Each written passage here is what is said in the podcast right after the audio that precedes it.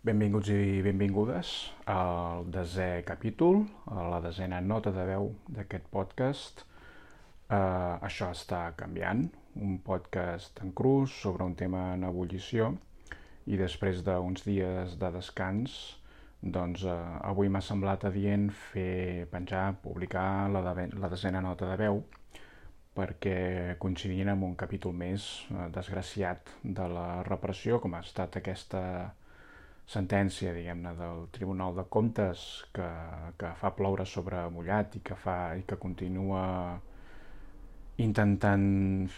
desgraciar la vida de, de moltes famílies amb ànim venjatiu, etc etc. No, no sé si cal comentar més eh, aquesta notícia. En tot cas, coincidint amb, amb això,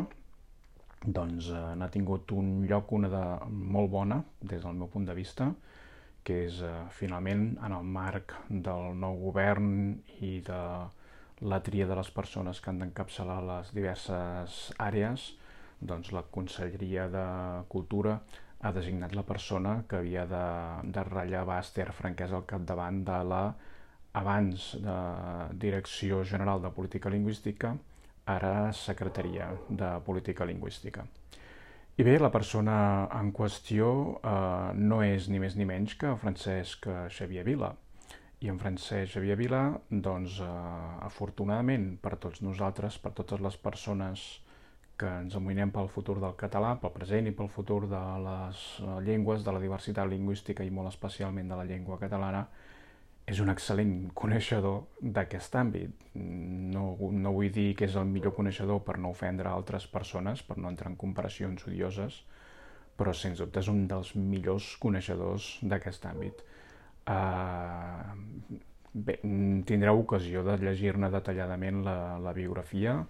probablement els, molts dels qui escoltareu aquesta nota de veu ja el sabeu, ja, ja sabeu qui és, ja el coneixeu, hi heu estat treballant potser fins uh, no fa gaire i en coneixeu la, la solvència. Uh, sabeu que mm, realment coneix uh, i les dades de primera mà i les ha elaborades en nombrosos uh, estudis i publicacions que ha fet. Uh, ha tingut també doncs, uh, diverses aparicions als mitjans de comunicació quan se l'ha cridat per comentar qüestions relacionades amb la llengua, amb immersió o amb altres uh, qüestions relacionades amb l'audiovisual i és una persona doncs, que té molt el tema de la llengua al cap des del punt de vista de dades, des del punt de vista d'anàlisi sociolingüística.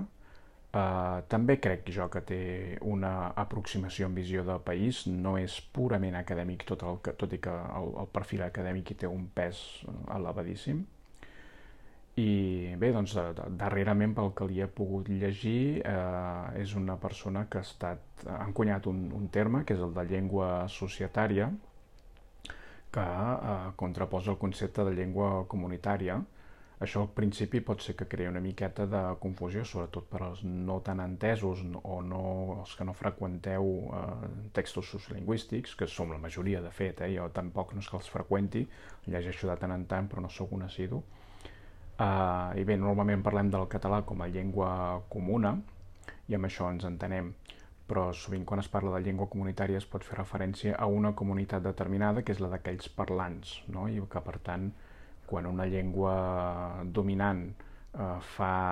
inútil o innecessària una llengua subordinada, doncs això vol dir que en la comunitat d'on és pròpia aquella, aquella llengua es continua parlant, però que en la resta no hi té incidència. I el professor catedràtic Xavier Vila, Francesc Xavier Vila, el que diu és que el català ha de ser una llengua no de la comunitat dels catalanoparlants, sinó de la societat, per tant, llengua societària.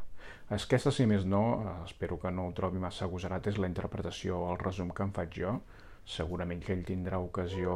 ja ho ha fet en realitat diverses vegades i tindrà ocasió de continuar-ho fent eh, arran d'aquest nomenament i de les entrevistes i de les aparicions públiques que pugui tenir però bé, eh, insisteixo, és, jo crec que és una molt bona notícia eh, vaig tenir la sort, també us he de confessar, de tenir-lo com, a, com a professor eh, en els meus estudis de Filologia Catalana a la Universitat de Barcelona. Vaig començar-hi fent, per exemple, lingüística aplicada, que si no m'equivoco, i ja em disculparan si és així, crec que era si no el primer any de tots, màxim el segon, que aquella assignatura s'introduïa en el pla d'estudis. Eh, els, els estudis de sociolingüística si estaven introduint no, no feia gaire. I probablement aleshores en Francesc Xavier Vila devia ser un professor associat o no sé, no ho recordo exactament, però de, posteriorment ha estat el, el cap del departament i, i ha anat fent una, una evolució ben meritòria eh, en el camp de, doncs, eh, científic, eh, lingüístic, sociolingüístic i en el marc de, de l'àmbit universitari.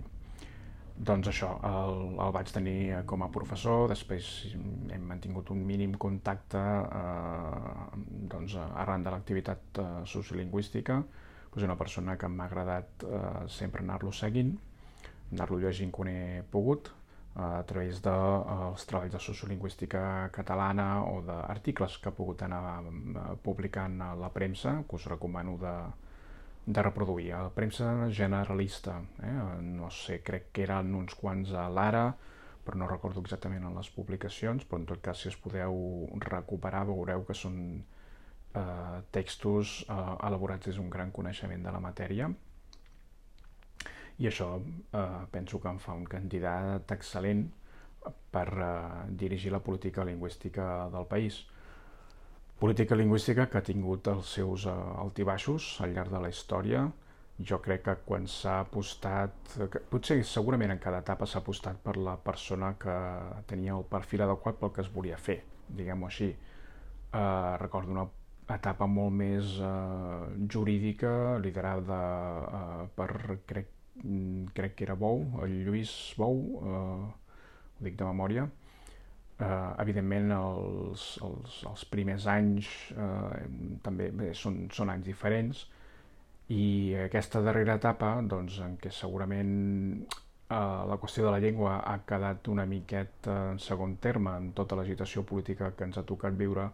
doncs eh, crec que al final el, moltes persones no acaben d'estar del tot satisfetes eh, amb, amb el que ha pogut fer o ha volgut fer eh, Esther Franquesa. Ara, en tot cas, tenim una oportunitat doncs, de redefinir aquestes polítiques i de redefinir-les en aquesta clau, la clau d'un excel·lent coneixement eh, de les dades, de, de la realitat dels països catalans i de la llengua a Catalunya,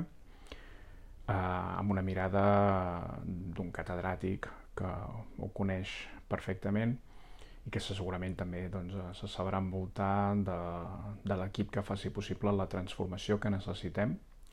Jo personalment espero que incorpori eh, aquesta mirada que estic intentant eh,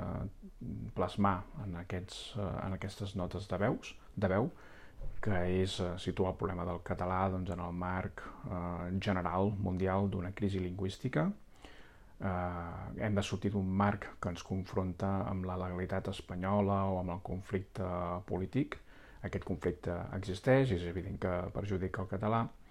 però en realitat des dels últims anys hi ha un context, un context global que eh, és el que explica el que avui està passant-li a la llengua catalana i que no és l'única llengua que ho està patint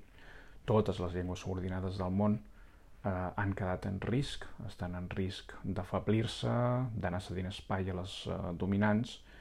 en una tendència del món a la homogeneïtzació i per tant això cal respondre-hi doncs, amb, una, amb un canvi de comportament, de percepcions, d'actituds, de comportaments. Hem d'assumir la responsabilitat lingüística com un valor clau